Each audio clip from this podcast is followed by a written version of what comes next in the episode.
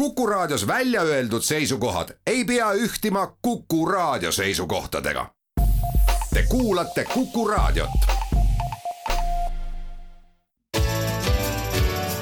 keskpäevatund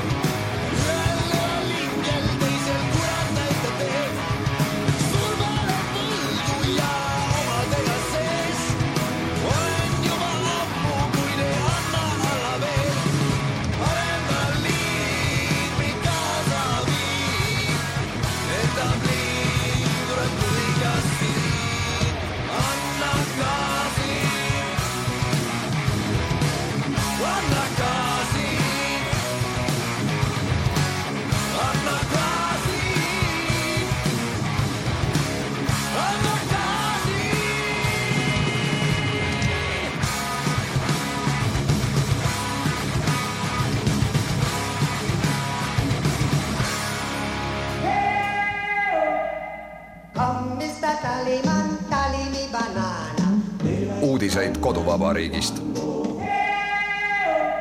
tere, siin Kuku raadio ja Keskpäevatund Tallinna stuudios. Ainar Ruussaar, Ignar Fjuk ja Priit Hõbemägi esines ansambel Tont lauluga Anna gaasi.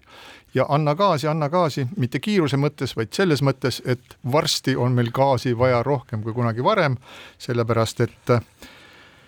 vaevalt äh, mõni nädal läks mööda sellest ajast, kui peaminister Kaja Kallas teatas, et Eesti lõpetab tänavu Vene gaasi ostmise ja ehitab välja NLG ehk siis survevedelgaasi taristu. aga vähe aega on möödunud ja juba kuuleme sellist juttu, et äkki ei jõuagi täna, tänavu selle asjaga nii väga valmis ja asjasse puutuvad ettevõtted on omavahel korralikult tülli läinud ja nagu Eestis ikka kombeks, tülitsetakse avalikkuse vahendusel ehk meedias. kõigepealt me ju teadsime, et vedelgaasi kai ehitamisega selle taristu loomisega Paldiskis oli tegelenud juba päris pikka aega Heiti Hääle Alexela, kui oli, kui valitsus teatas, et soovitakse vedelgaasi taristut välja ehitada, siis liitus aktsiaselts Infortar, kes on Tallinki suuromanik ja asjad paistsid minevat kuhugi poole, aga siis algasid läbirääkimised ja kui riigi poolt, siis minu meelest ka samuti riigikapitalistlik ettevõte Elering astus laevale ja asus pealt, asus läbirääkimistes, läbirääkimiste laua taha, siis jooksid asjad korraga kinni ja juba on jõudnud siis Taavi Veskimägi Eleringist, kes kes esindab siis nii-öelda riiki, kuigi minu meelest on see riigikapitalistlik ettevõte, mis taotleb kasumit nagu eraettevõtedki, esinenud sellise väitega, et äkki me nüüd tänavu ei jõuagi valmis ja lendavad mitmesugused süüdistused, näiteks sellised, et eraettevõtted nõuavad liiga palju raha ja riigi garantiisid, kuigi ma pean ütlema, et kui eraettevõtjad midagi tegelema hakkavad, millegagi tegelema hakkavad, siis see, et nad mingit kasumit sealt taotlevad ja garantiisid soovivad, on ka täiesti loomulik üldiselt on jah äh, ikkagi normaalne, kui rääkida ettevõttest või eraettevõttest või toimivast ärist, siis on kaks olulist asja, üks asi on kasum, noh, mis võiks olla erinevate ettevõtjate normaalne võiks olla sõnul ikkagi kümme protsenti vähemalt. kas umbes nii nagu Eesti Energial, no mingisugune seitsekümmend miljonit aastas oleks päris no tore. Eesti Energia kasum on kümme protsenti lisaeelarvest no,. see on kõik puhas riigikapitalism muidugi, aga see selleks. aga, aga mõju ja tuntus on teine asi, mis võib olla vahel lühikest aega rahast suurem kasu, kuna aitab omanikku ja, ja teisi ettevõtteid aga probleem on selles, et kui keegi ütleb, et aega on, siis tegelikult aega ei ole. ja gaasi gaasi tähendab ka seda, et kiire on. asi on selles, et äh, olen rääkinud mitme spetsialistiga, kes natuke äh, rohkem minust tunnevad ehitamist ja kõik nad väidavad, et merre ehitamine ehk siis kai ehitamine äh, ei ole kahe nädala küsimus. ja merre ehitamine Eesti kliimas sügiskuudel pidi olema päris keeruline ülesanne, ehk siis see kai tuleks ehitada enne oktoobrit, novembrit valmis, kui meie meredel algavad möllama mingisugused allhoovused, tormid ja nii edasi, mis muudavad merre ehitamise erakordselt keeruliseks. ehk siis tegelikult aega ei ole tegelikult algas see konflikt juba siis, nii kui Elering oli lülitunud sellesse protsessi ja hakati otsima siis seda sobivat tankerit, mis hakkaks selle haalamiskai juures seal seisma ja millest saaks siis gaasi pumbata, siis äh, mõne aja pärast juhtus, et kui äh, Alexela oli heitnud pilgu ühele siis sobivale tankerile, mõne aja pärast jõudis sellesama tankeri äh, sama tanker jõudis ka Eleringi huviorbiiti ja tuli välja, et mõlemad siis nii riigiettevõte kui eraettevõte pakkusid samal eesmärgil, tegid pakkumisi samale tankerile, loomulik, et tankeri hind lendas üles, kelle huvides see kõik need on, seda on muidugi väga raske öelda, nii et eh, praegu paistab, et eh, majandusminister Taavi Aas justkui äh, peaks vahendama seda kõike, aga samas Aas ütleb seda, et tema ei ole läbirääkija, nimetab ennast pigem arbiitriks, aga ütleme nii, et siin see arbiitri rolli ma ei tahaks nüüd anda ka äh, majandusministrile, sellepärast lõppkokkuvõttes selle taga on Eesti Vabariigi kodanikud, see on meie tööstus, see on meie kõik tarbijad, kellele peab olema siis tagatud gaasiga varustamine, see on riigi asi seda, seda korraldada ja on ka riigi asi mitte ajada lihtsalt niisama pindu, vaid pidada eraettevõtjatega tul-, tulusaid läbirääkimisi selleks, et eesmärk saaks täidetud, mitte et keegi saaks oma mingisuguse väikse kiuksu rahuldatud. milleks, miks me seda siin saates räägime, sellepärast et tegemist on ikkagi riigi julgeolekupoliitilise küsimusega, ma ei mäletagi, et meie vabariigi taasiseseisvunud Eesti ajal oleks midagi nii olulist ja nii kiiresti olnud vaja teha. ja see eeldabki iseenesest, et on juhtimine protsessile valitsuse või siis vähemalt ministri tasemel, kes Eleringi suhtes on üldkoosolek, ehk ei ole mingi arbiiter, vaid on konkreetne vastutaja. ja kui väidetakse, et me oleme just nagu seda saanud jälgida läbi pressi või et läbirääkimised toimuvad läbi nii-öelda pressi vahendusel, siis ega vaatasin enne saadet selle läbi, ega sealt suurt midagi näha ega lugeda ei ole. nii et kui üks pool väidab, et nii-öelda, et nende pakkumist peetakse liiga kõrgeks, noh, Elering väidab Alexela ja Infotari pakkumise suhtes selliselt või teine pool ütleb, et seatakse põhjendamatuid eh, piiranguid, antud juhul siis see on Alexela väide, sest nagu me teame, oleks tegemist ju ainult lühiajalise projektiga, see haalamiskai peaks sügiseks valmis olema, aga kahekümne neljandal aastal läheb ju kogu, kogu tegevus üle Soome. nii et see on ainult lühikeseks ajaks ja Alexelal on pandud, Alexelal on pandud ette, et ta saab ainult selle perioodi eest renti, mis ei kata kogu kulutust, aga peale kahekümne neljandat aastat pole sellega midagi teha, sest Elering on öelnud, et alates sellest hetkest, kuivõrd Eleringile kuuluvad gaasijaotus suured torud, magistraaltorud, tema ei võimalda Alexelal läbi selle rajatud kai ühtegi kuupmeetrit kass, gaasi, veeldatud gaasi tuua. nii et see küsimus ei ole ainult rahast, vaid on ka, küsimus on ka äriplaanis ja mõistlikkuses, aga kõigepealt juhtimises ja see on seni täiesti puudunud. see on sul jumala õige, Ignar, et tegelikult mis on praegu puudu, on see, et äh, selle sõna kõige paremas tähenduses, olgu see Vabariigi Valitsuse minister või keegi teine, on puudu projektijuht, kes võtaks kõik osapooled ühte tuppa kinni keeraks toaukse seestpoolt lukku ja meie siin ootame kõik, siis, millal kõik... hakkab valget suitsu tulema ukse vahelt välja. muide, seda ma tahtsingi öelda no,, jah. ja olgu see valge suits siis natuke hallikas, olgu see otsus siis suurepärane või keskmine, aga otsus peab nüüd ära tulema ja keegi peab selle otsuseni osapooled juhtima või viima. aga kui nüüd minu jutust või kellegi jutust võiks äh, välja paista see, et me oleksime lahkelt ükskõik millist äh, summat millegi eest maksma, siis see loomulikult ei ole, sest kõik see, iga äh, miljon, mis kajastuks siis selles haalamiskai rajamisel või hilisemates mingisugustes lisatasudes, see hakkab ju lõpuks tarbija gaasi hinnas kajastuma. Ja juba iseenesest see LNG gaas on ju oluliselt kallim kui mööda torujuhet tulev gaas, sest seal on vaja kõigepealt see gaas veeldada ja siis ka komprimeerida ehk ta survestada. see nii-öelda laevaga transport, veeldatud gaasitransport siia kaile, see on tühine raha selle kõige kõrval. nii et need on väga suured summad ja, ja samas on, selles mõttes ongi hea, et jälgitakse ka, ajakirjandus jälgib hoolikalt, et ei tehtaks liigseid kulutusi ja lihtsalt ei lööda käega, et ütleme noh, miljon siia või sinna, teeme ära, poisid. ei, selge, selge, no mulle tundub küll nii, et kaks äh, siniste sokkidega Taavit, üks Taavi Rõivas, kes oli Eesti Vabariigi peaminister ja ja kelle suur eesmärk oli siis Euroopa Liidu rahadega ehitatav LNG terminal saada Eestisse, kes sellega suurejooneliselt hakkama ei saanud, vaid tuli lihtsalt niisama rõõmsalt lehvides koju tagasi. ja Taavi Veskimägi, kes äh, Eleringi juhina on, äh, no ma ütleks niimoodi, et Taavi Veskimägi tekitab väga paljudes inimesi instinktiivse sellise vihkamisreaktsiooni midagi, mis see on, on tema... väga julgelt öeldud. see on midagi, mis on tema olekus, no ütleme, et ega siin ei saa ju varjata, et noh, et kui, kui president Äh,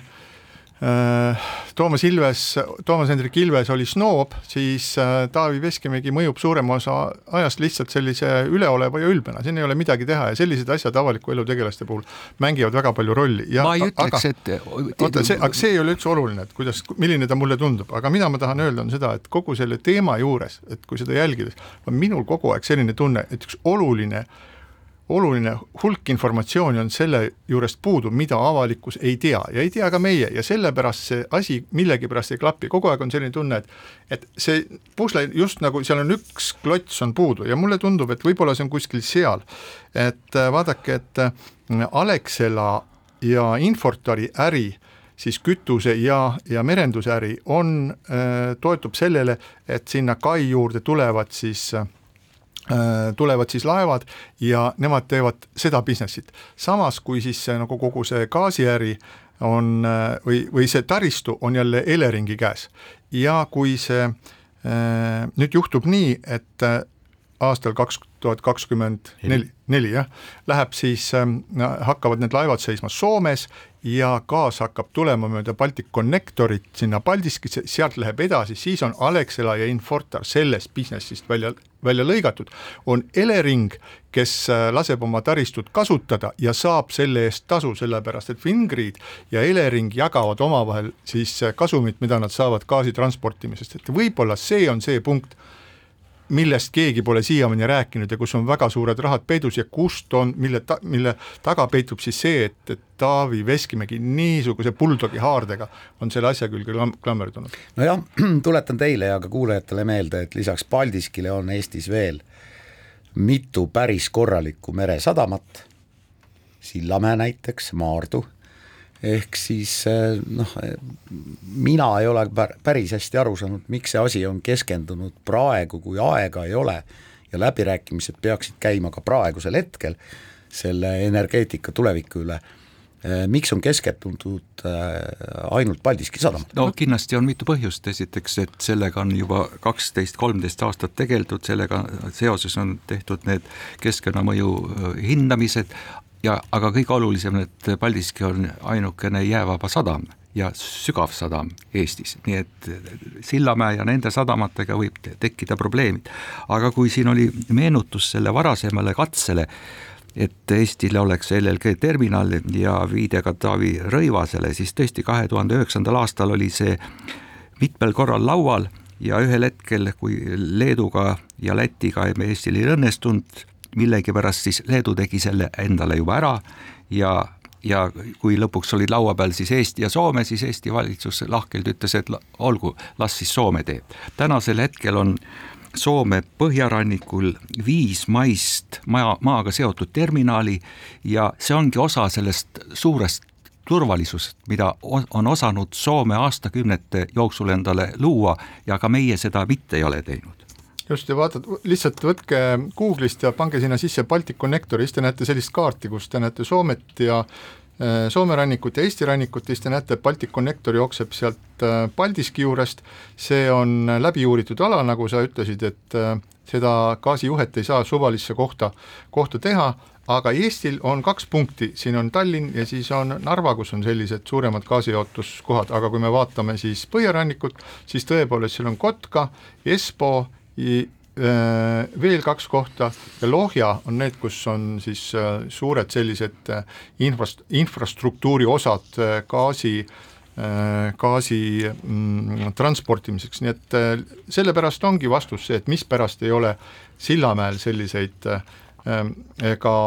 mujal seal see Põhja, Põhja-Eesti rannikul neid kohti, sellepärast et see gaasitrass, Tallinna-Narva gaasitrass tuleb sellest rannikust väga kaugelt eemalt ja sealt tuleks hakata ehitama alguses nii merealust, siis äh, seda ühendust kas Kotkast või, või kuskilt mujalt ja siis veel sealt omamoodi, omakorda selle Tallinn, Tallinn-Narva ühenduse juurde, nii et äh, no ma loodan, et sellest siiski jõutakse Äh, jõutakse selliste lahendusteni, mis on meile kõigile kasulikud, sellepärast et ma arvan, et valitsus ei saa endale mitte kuidagi lubada kui sellist asja, kus peaminister ütleb, et äh, me teeme selle asja ära ja siis istuvad äh, ettevõtjad istuvad laua taha ja riigiettevõtte juht ütleb, et ei no ma ei tea, et võib-olla me siiski sel talvel, sel sügisel valmis ei saa, aga ma ütleksin, et see on nüüd pigem selline taktikaline käik, aga selle nädala üks väga olulisi teemasid oli vist ka see, et Harju maakohus määras Eesti Ekspressi ajakirjanikele Tarmo Vahterile ja Sulev Veedrile mõlemale tuhande eurose trahvi ja selle põhjuseks oli see, et Ekspress avaldas ühe uudisloo, kus avalik, avalikustati see asjaolu, et Swedbanki endine juhtkond sai aastaid tagasi toimunud võimaliku rahapesu tõttu kahtlustuse ja Harju maakohtu kohtunik Alari Möldre trahvis siis ajakirjanike põhjendusel, et nad avaldasid oma artikli prokuratuuri loata, ehk ei olnud küsinud, küsinud luba seda avaldada ja kohus lisas veel, ja nüüd kuulake hoolega, et Swedbanki rahapesu juhtumiga seotud endine pangaladvik ei puudutavat piisavalt avaliku huvi printsiipi ja märgiti, et loo avaldamise ainus motiiv oli uudishimu rahuldamine, ma pean ausalt ütlema, nii lolli juttu ei ole ma varem kuulnud, ma ei tea, kas seda ütles, ütles siis konkreetne kohtunik või, või on see kohtu seisukoht, aga ka endine inimõiguste kohtunik ja ähm, äh, riigikohtunik Rait Maruste ütles nii, et otsus on ebaprofessionaalne, kui mitte lausa rumal ja sellisele kaasusele tuginemine on täiesti ebaadekvaatne ja kohatu ja see on endaga kaasa toonud siis väga suure vastukaja terves Eesti ajakirjanduses, selle peale selle siis kõik meediaettevõtete, Eesti Rahvusringhääling, Meediaettevõtete Liit, erinevad meediamajad, samuti on seda tauninud Eesti eh, president Kersti Kaljulaid, peaminister Kaja Kallas on öelnud, et selline kohtlemine on õige, väga eh, nimekad juristid, endised äh, riigiprokurörid on selle kohta ühte-teist-kolmandat öelnud, nii palju kui ma olen aru saanud, et siis see konkreetne Harju maakohtu kohtunik Alari Mölder, kes sellise nagu Jeekimi teoga hakkama sai, on ise maa alla kadunud, läinud ilusasti puhkusele ja teda ei ole võimalik kätte saada, tubli, see on loomulikult kõige õigem tee, mine minema, ära kellegagi räägi, kui oled mingi pläkiga hakkama saanud, siis vaju maa alla jah, see on nii tüüpiline, tüüpiline juhtum ja, ja ilmselt me ajakirjanikena kohtame selliseid juhtumeid veel ja veel, muide mulle praegu meenus minu karjäärist üks seik, tõsi, mitte selle parlamendi koosseisust, aga mõned koosseisud varem, kui, kui üks Eesti Riigikogu liige ütles mulle, kui ma palusin talt intervjuud ja esitasin küsimuse, esitas mulle vastuküsimuse, miks te arvate, et mina olen avaliku elu tegelane ja minu tegevust peab käsitlema või kajastama ehk siis äh, vabandust, vabadus, nende hulgas ajakirjandusvabadus ei ole midagi enesestmõistetavat, seda tuleb kaitsta, selle eest tuleb võidelda, aga samas tuleb seda vabadust ka teadvustada ja, ja noh, äh, on professionaalsuse küsimust, kus see piir läheb. Äh, lisaks sellele prokuratuuri juhtumine, mis ründas kahte staažikat, üle veerand sajandi Eesti ajakirjanduses auditooriumi usaldust võitnud ajakirjanikku on ju neid eeltsenseerimise katseid ja info lukku keeramise katseid olnud veel ja, ja ilmselt ka tuleb veel ja, ja noh, näiteks äh, mitmed advokaadid on vastu seaduseelnõule, mis on jõudnud parlamenti ja mis lubaks justkui tutvuda kohtu materjalidega enne kohtuistungit, see on muidugi selline õrn teema ja vaieldav teema, et eriti tsiviilasjades äh,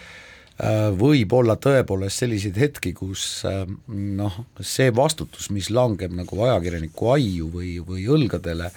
on päris suur, et kust läheb see äh, eraelu või isikukaitse detailide avaldamise piir või mitte, aga see on ajakirjaniku professionaalse, professia-, professionaalsuse küsimus, eks. ja mis, mis, mis on minu jaoks nagu keeruline, on see, et õudselt palju armastavad äh, erinevad ametnikud ja, ja juurategelased ja kohtunikud ja advokaadid kasutada sellist terminit, mis on ka seadustesse kirjutatud, termin õigustatud avalik huvi. vot kes seletab ära, mis asi on õigustatud avalik huvi, kust läheb selle õigustatud avaliku huvi piir. jaa, aga me ei lähe sellesse nagu diskussiooni praegu, et aga on, seda kasutatakse on, kogu aeg ja selle kaasuse puhul ka kasutatakse. siin on oluline minu meelest see, et siin on, see on isiklik rünnak ajakirjanike vastu ja seda nimetatakse triikimiseks ja see on diktatuuririikides, autoritaarsetes riikides väga levinud asi. minna Postimehe vastu, minna Eesti Ekspressi vastu, minna Ekspress Meedia vastu, võib ju kohus alati. Ja seal on olemas inimesed, seal on raha, seal on advokaadid, kes seda kõike,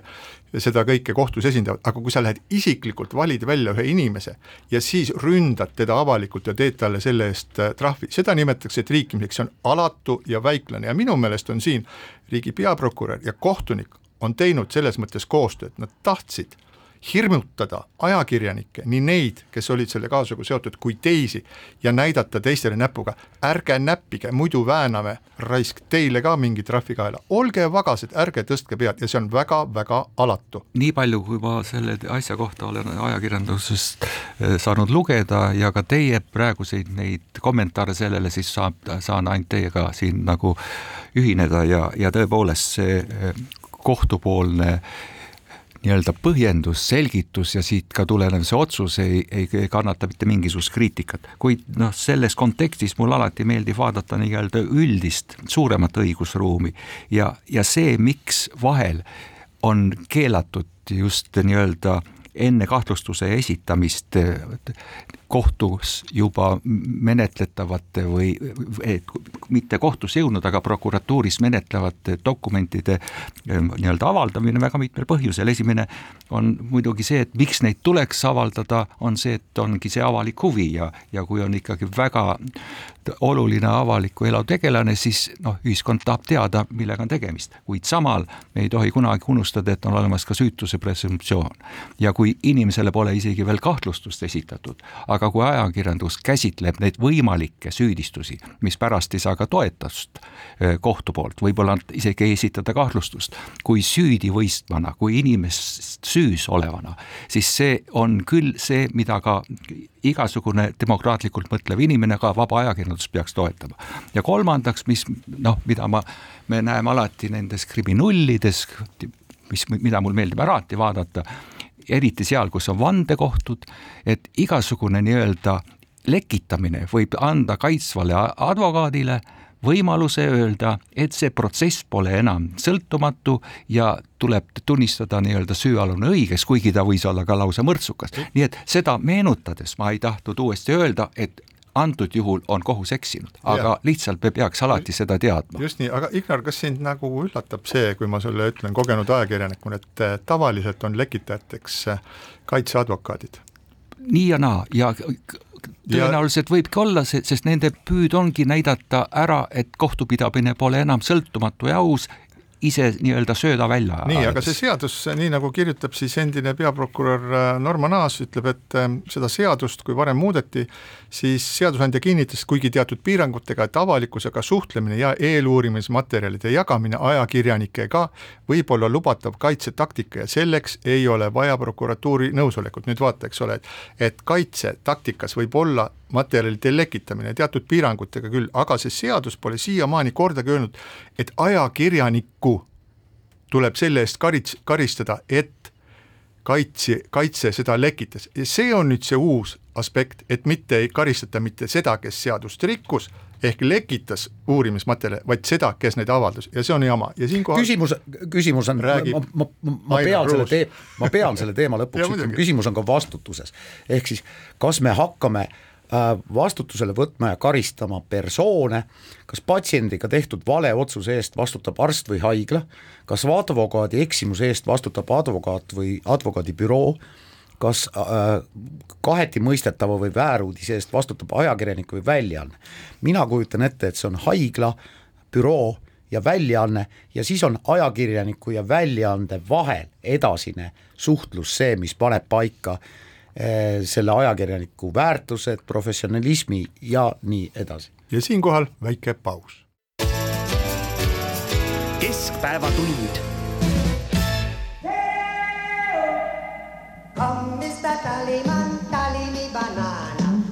uudiseid koduvabariigist. Keskpäevatund jätkab, Ainar Ruussaar, Ignar Fjuk ja Priit Hõbemägi. räägime nüüd lähenevatest tähelepanuväärsetest sündmustest ja saabumas on üks maikuu tähtpäev, Euroopa vabastamise tähtpäev, mida tähistavad ka inimesed, kes on andnud sellele hoopis teistsuguse sisu ja selle tulemusena või selle tagajärjel tegelikult on siis see koht Tallinna linnas, kuhu tavaliselt need äh, brigaadid, kes, brigaadid, kes viivad nelke ja triibulise linte kalmistule, tänav on kaheks päevaks kinni pandud, et mingid jõugud seal ei hakkaks laiama, ei teeks mingisuguseid provokatsioone, ei sõidaks sinna veoautodega, ei paneks üles ähm, ruuporeid. Ega midagi, nii et kui me meenutame lihtsalt olukorda, mis oli aasta tagasi, kus ähm, korraga sai teatavaks, et filtri teel olevas väeosades oli ametlikult siis ähm, ajateenijatel ja ka teistel kaitseväelastel oli ametlikult soovitud mitte käia sellel päeval ringi Eesti Kaitseväe vormis selleks, et mitte provotseerida siis neid inimesi, kes käisid pronkssõduri juures oma lilli panemas, tänasel päeval seda on isegi täiesti uskumatu ette kujutada, milline lömitamine see siiski oli. tänasel päeval on tänav kinni, kinni pandud, üks pronksiöö ässitajatest, Maksim Reva, on jäänud ilma oma Eesti elamisloast ajal, mil ta oli välismaal, üks minule mitte meelde jäänud nimega Jeekim, kes on ka tuntud ässitaja, saadeti välja nii et äh, paistab, et äh, asjad on, lähevad õiges suunas, et äh, selliseid provokatsioone takistatakse kõva käega ja politsei teeb seda tööd, mida ta peab tegema. jumal tänatud, see, et eelmisel aastal soovitati Eesti kaitseväelastele üheksandal mail mitte kanda vormiriietust, oli täiesti jabur otsus. vaatame tänast päeva. Kremli lab- ladvikul katus sõidab. nüüd, kui nad on juutidele ja juudi riigile teatanud, et Hitler oli juut, nüüd, kui nad on avanud muuseumides näitused NATO kuritegudest, peaks absoluutselt iga ametiülesandeid või teenistuses olev Eesti inimene kandma oma teenistusvormi uhkusega, mitte uhkeldama, aga seda mitte peitma. öösel ka. Absoluutselt ja, ja, ja üheksandal mail ei pea häbenema seda, et mul on politseivorm või kaitseväe vorm. see, seda, seda ei tohi häbeneda, seda ei saa häbeneda ja seda ei tule häbeneda. juba aastakümneid on äh, lääs ja ka meie meist väga paljud lasknud ennast ära petta igat moodi igasugusele Vene retoorikal, mis siis äh, kas räägib siis, et Venemaa vajab enda ümber nii-öelda neutraalset puhvertsooni või et kõik need endised Nõukogude Liidu vabariigid, seal vohab venelaste vastane äh, poliitika, nende diskrimineerimine, Natsism. natsism ja nii edasi, et see kõik on olnud tegelikult nii-öelda selle Vene maailma ehk Russki Mirri taasloomise teenistuses, et kui Venemaa ümber on see nii-öelda neutraalne tsoon, see tähendab seda, kui seal pole NATO vägesid ja kaitset, nii nagu Ukraina, siis venelane läheb sinna ja anastab selle riigi ja loob, nagu ta juba Müncheni kõnes aastal kaks tuhat seitse Putin rääkis, et tuleb nii-öelda taastada see Nõukogude endine hiilgus ja vägi. ja, ja ka see nii-öelda see natsismi jutt ka Eesti suhtes olnud, see on ju lihtsalt nii kodumaiseks kui ka välismaiseks tarbimiseks. kodumaal see loob illusiooni, et tõesti kõik vihkavad venelasi ja nende kaitseks tuleb välja astuda ja üheksas mai on üks selline päev, kus siis kõik need Venemaa nii-öelda välis- ja sisepoliitika, poliitilised pürgimused nii-öelda kumuleeruvad. ja mina olen välja toonud siit nagu viis positsiooni või viis gruppi inimesi, kes sinna päeval siis lähevad, kindlasti on mingi üks grupp, neid jääb muidugi vähemaks, on leinajad, aga ma ei kujutaks ette, et Eesti äh, leinapäeval, neljateistkümnendal juunil Vabadusele platsile läheksid sõjakad eestlased lippude lehvides või veel enam, et e-, Venemaal elavad Eesti kodanikud lähevad neljateistkümnendal juunil Punasele väljakule ja hõiskavad hüüdlauseid Vene valitsuse vastu ja nõuavad Putini mahavõtmist. kas te kujutate seda ette, aga üheksandal mail see nii toimunud on. ja teine grupp, kes siis on sinna kogunenud, on need, kes ei suuda kuidagi leppida sellega, et toimus see nii-öelda kahekümnenda sajandi kõige suurem geopoliitiline katastroof, NSV Liit lagunes. kolmandad on need, kes annavad Moskvale märku, et tuleb taastada endine jõud, ehk ühinevad selle Moskva laulukooriga. ja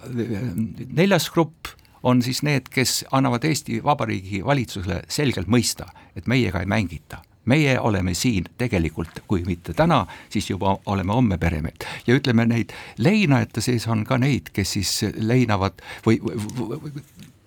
tunnistavad seda suurt võitu, mida teisel maailmasõjas Nõukogude Liit sai, kui ta anastas ja võttis sellise hästi suure kogukonna, tegi selle Varssavi pakti. ja on ka veel üks kuues grupp, need, kes kannavad Georgi linti, need vaatavad tagasi tsaariaega ja siis saaks Poola ja Soome ka äh, veel ära anastada. no neid inimesi õnneks, kes äh, kannavad Georgi linti või kasutavad vaenulikku sümboolikat, on jäänud ikkagi päris palju vähemaks kui veel aasta tagasi. et ma olen teadlikult kõndinud mööda Tallinna tänavaid ja vaadanud äh, äh, autopeegleid äh,, taga, tahavaatepeegleid, kus ikkagi noh, eelmisel kevadel oli veel päris palju Georgi linte näha, nüüd on nüüd on neid üksikuid, ehk siis tegelikult mingisugune mõju on, on olemas olnud, aga Ignar, on veel üks grupp, vähemalt teoreetiline grupp inimesi äh,. Need on eestlased need on meie endi hulgast, kes ka on valmis provotseerima neid, kes lähevad kas leinama, impeeriumi taga igatsema, Putinit toetama või mida iganes tegema, ehk siis me ei saa ka seda gruppi alahinnatama ja, ja ma soovin politseile täiesti kindlat meelt ja tarka meelt. Ja, ja soovin, et politsei oleks nähtaval, Priit juba viitas sellele, et filtritee pannakse kinni, et nad ei istuks oma mustade klaasidega mustades bussides, vaid oleksid vormis, nähtavad sealsamas Aljoša juures ja selle tanki juures, mm, kuhu ka kogunevad eh, päris paljud inimesed üheksandal mail, mis on teel Narva ja Narva-Jõesuu vahel ja neid kohti on veelgi. minu meelest on kas, kas ma eksin, aga see Z-tähe kasutuselevõtt Venemaa poolt, kas ei ole mitte selleks, et, et nad kavatsevad minna üle ladina tähestikule? Et see on esimene samm ja läbi seda sõjakuritegude siis seda nii-öelda endal see võimalikult raskeks teha. Nojah, et võib-olla jah, nii nagu see Z, Z ja V nagu Zapad ja Vostok, mingisugused ründesuunad või, või mis iganes need seal on, nojah, võib-olla võib ju minna, võib ju tagasi tulla, sellepärast et mm, kus kahekümnenda sajandi esimesel kolmandikul ju neid liikumisi kirillitsalt ladina tähestikule ja siis jälle tagasi erinevates nendes piirkondades, mis jäid Nõukogude Liidu siis äh, Nõukogude Liidu piirides, et neid ju oli ikka, et no miks ka mitte, võt-, võtku siis oma ladina tähestik kasutusele, aga Ignar tahtis öelda, et ma tahtsin veel seda öelda, et, et lõppude lõpuks on ju küsimus selles, et Eesti on kolmkümmend aastat viinud läbi noh, väga sõbralikku poliitikat ja Priit, sa alles äsja märkisid, et, et see oli üllatav, et eelmine aasta veel paluti kaitseväelastel mitte mundris paikas ja linnas liikuda, et, et Eesti on olnud väga nii-öelda tasane nende nii-öelda igasuguste integratsiooniprotsesside läbiviimisel, aga ta on olnud liiga tasane ja on jäänud täiesti nagu kahe silma vahele see, et mida me läbi selle integratsiooni tahame muuta. see on ainult taandunud alati keelele, et kui näiteks teatud õppe tasemest neljandast, kuuendast või üheksandast klassist hakkab õpilane mingit osa aineid eesti keeles õppima, et sellest siis tal tekiks ka nii-öelda eesti meel ja temast saaks hea Eesti kodanik. meelsust kasvatatakse nii, nagu me läbi Vene ja Kremli propaganda oleme näinud, läbi teistsuguse, mitte läbi keele. Ukrainas räägivad kõik vene keelt, aga nad ei ole nõus Vene agressioonile ja venelasele alluma. nii et küsimus, kui me seame üles sellele nii-öelda integratsioonile, et me ei tee seda esimesest klassist Eesti koolis, vaid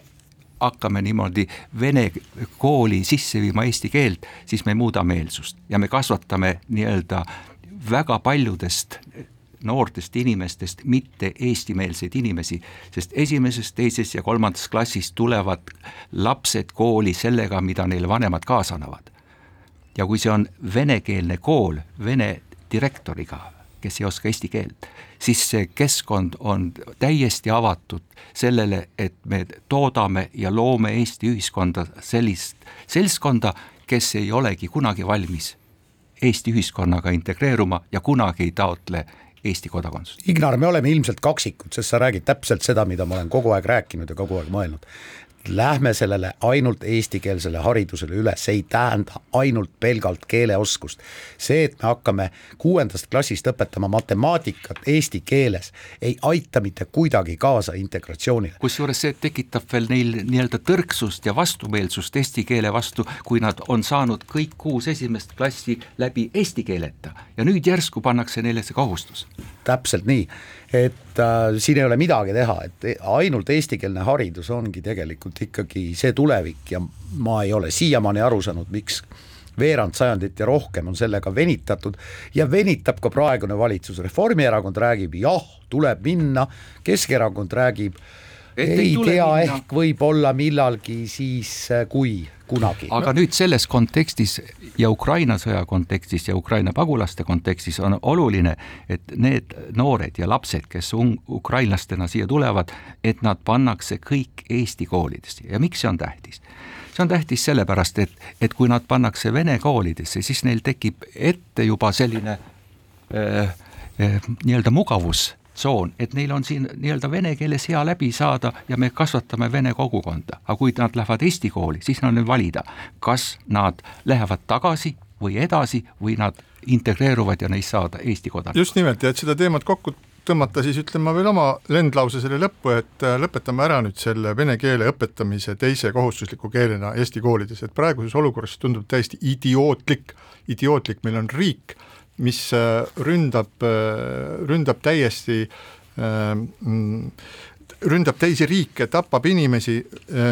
Venemaa ja nüüd me õpime selle maakeelt ja me, me Eestis on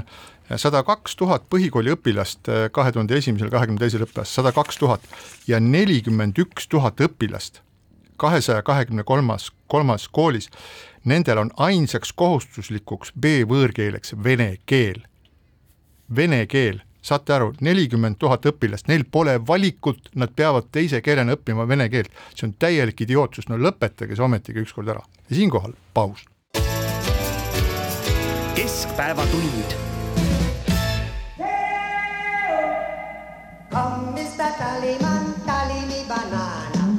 uudiseid koduvabariigist ja Keskpäevatund jätkab, Tallinna stuudios Ainar Ruussaar, Ignar Fjuk ja Priit Hõbemägi. ja huvitav uudis oli sel nädalal, mis äh, rääkis meile, et Keskerakond suutis tagasi maksta kaheksasada tuhat eurot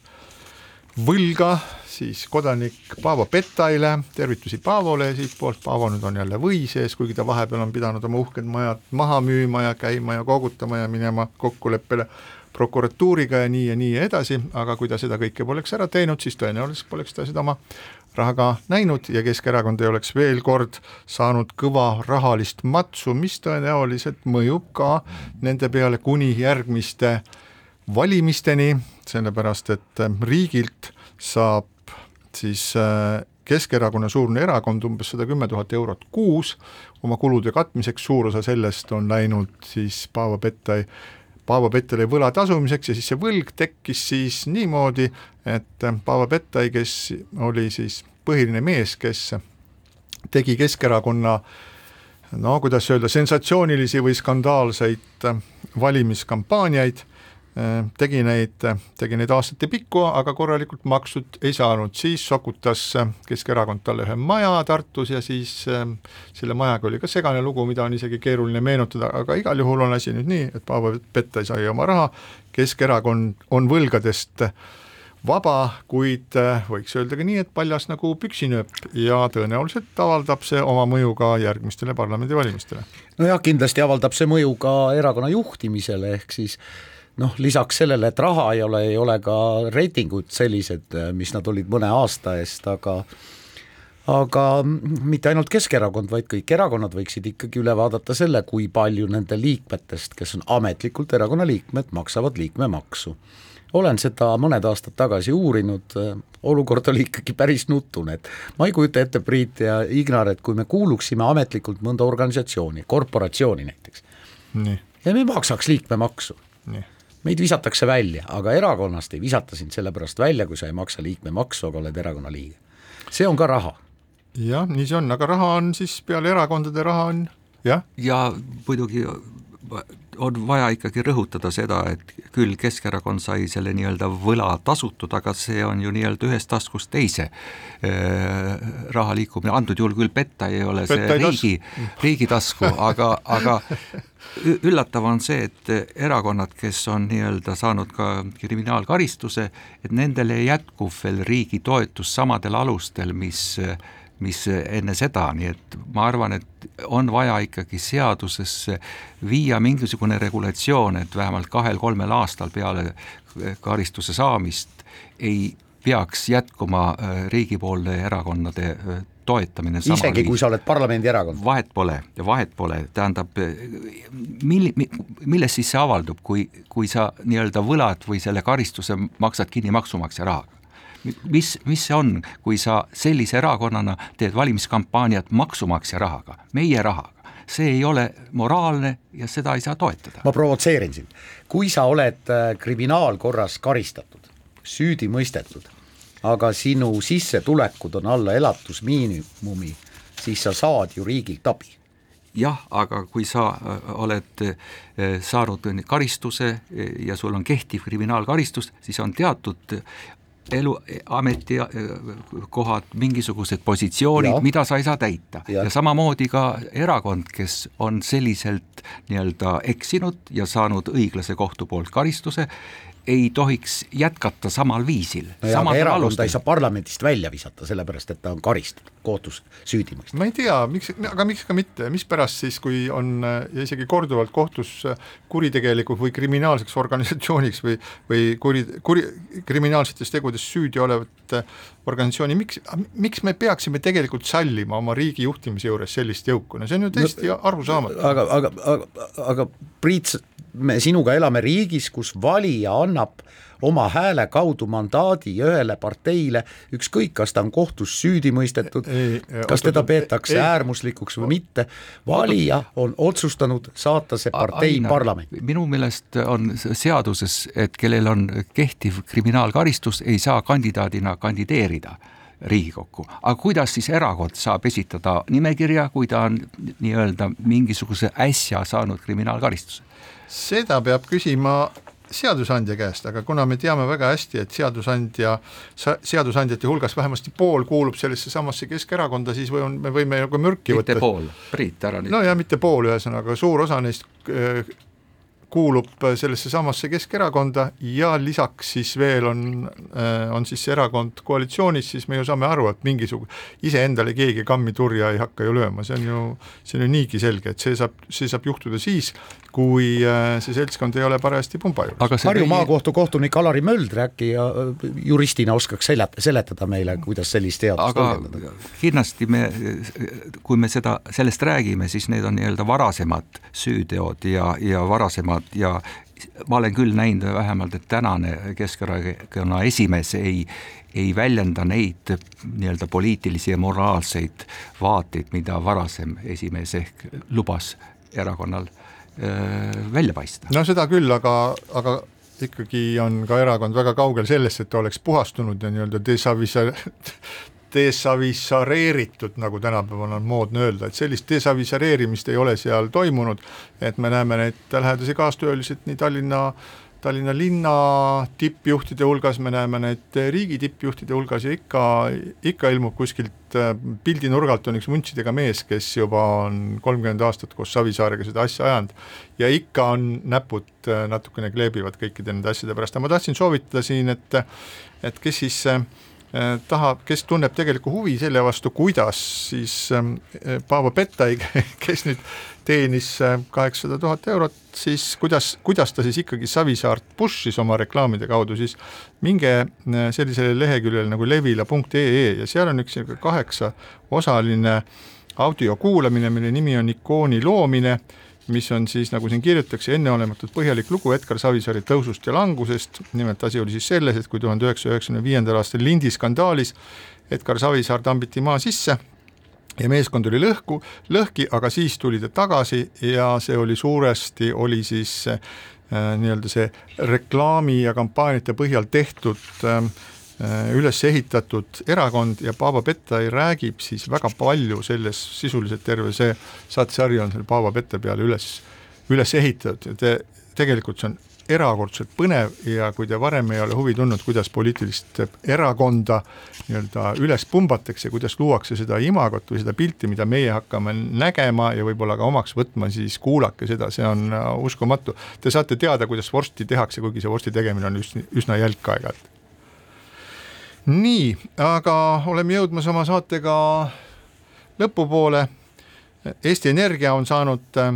superkasumi üle seitsmekümne miljoni euro, aga ma küsiksin, et mis kasu meil sellest, sellest superkasumist on, me teame, et äh, hinnatõus on olnud erakordselt kiire, et see on ligi kakskümmend protsenti, meil on mitmesugused kaubagrupid on läinud uskumatult kalliks, aga siiamaani me tegelikult ei ole ju kuskilt näinud seda, et valitsuses oleks seda teemat üles tõstetud ja hakatud arutama, et mida me nüüd teeme, kui meil on kuude kaupa Äh, kahekohalised arvud äh, on, äh, on elukallidus tõusus. toonitan enne, kui Ignar suu lahti teeb, toonitan selle üle kuulajatele, mida Priit ütles, aastaga on, kui me räägime kõiki hindu, alates toidukaupadest, lõpetades kütusega, on hinnad tõusnud peaaegu kakskümmend protsenti, sõbrad, kakskümmend protsenti. Oli jutuks siin, et Eesti Energia on teeninud hiigelkasumi ja vist oli seitsekümnest miljonist jutt. et kuhu see läheb, see makstakse dividendina Eesti riigile või mingisuguseks arenduseks, ma loodan, et seekord ei minda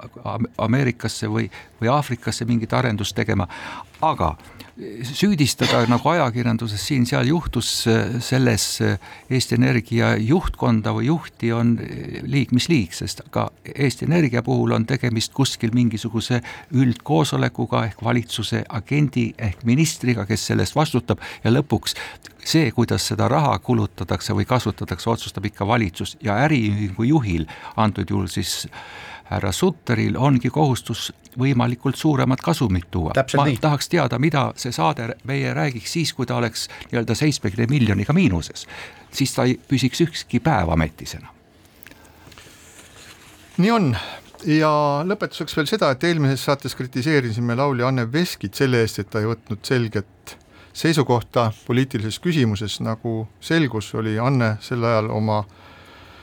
oma maisteekonda lõpetava abikaasa haigevoodi juures.